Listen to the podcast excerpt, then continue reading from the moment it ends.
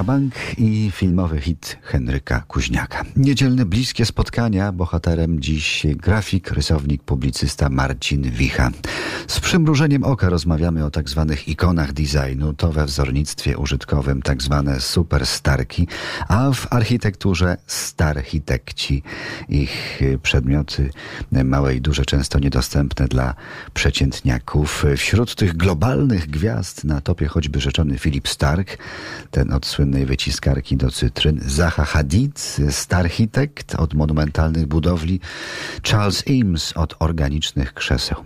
Tymczasem nam, zwykłym odbiorcom, służą czasem dobrze tak zwani silent heroes. To są miłe zaskoczenia, jak skuteczne bywają czasem niewyniesione na piedestał anonimowe projekty. To są nasi właśnie anonimowi bohaterowie. Pamiętam, przed laty zobaczyłem gdzieś i nadal mi się to wydaje jakiś absolutnie genialny wynalazek, wiadro, którego nie można ukraść. Bo wie pan, wielki design bardzo często jest anonimowy. Często jest tak, że my kompletnie nie wiemy, kto to wymyślił, kiedy i w jakich okolicznościach. No prawda? właśnie, są ikony tak zwane, superstarki, a są cisi, anonimowi bohaterowie. Cisi anonimowi bohaterowie, albo cisi bohaterowie, którzy wcale nie są anonimowi i tak dalej.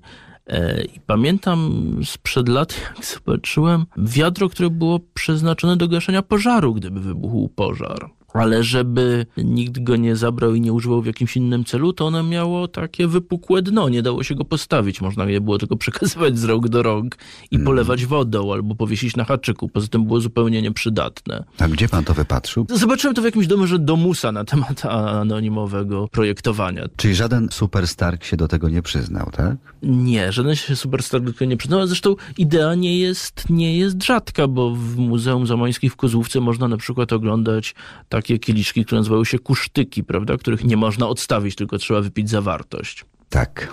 Wiadro wydaje mi się bardziej praktyczne. Co dla kogo, prawda? Co dla kogo, prawda?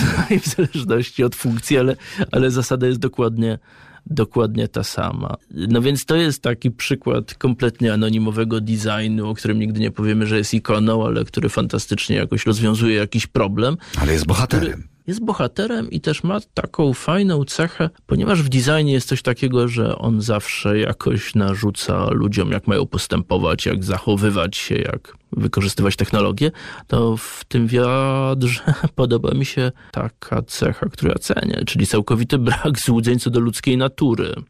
Bo w zasadzie wiemy, że to jest głupio i krótkowzrocznie kraść wiadro, które jest przeznaczone do gaszenia pożarów, ale i tak wiemy, że to się stanie, w związku z czym... Zawsze związku się jakiś taki zamiast- znajdzie, prawda? Zamiast próbować podjąć reformę ludzkiego zachowania, ktoś po prostu wymyślił, jak się z tym obejść. No więc to jest taki przykład. Przykład, do którego mam jakiś sentyment, to są krzesła Toneta z tym słynnym krzesłem numer 8, które znamy z różnych filmów. Filmu Kabaret i różnych innych. Zgiętej buczyny były przeważnie. Wiedeńskie majstersztyki, eleganckie, o pięknych liniach krzesła Michaela Toneta. Modele oznaczone numerami właśnie, gdzie prócz wspomnianej ósemki czternastka, zwana czasem krzesłem krzeseł. Tak sobie siedzimy i rozmawiamy z Marcinem Wichą. Zejdzie nam do trzynastej, proszę się przysiadać. Zapraszamy do RMF Classic. Kto ma dziś taką szansę? Co gramy teraz? Trudne słówka i filmowy temat Hansa Zimmera. Thank you.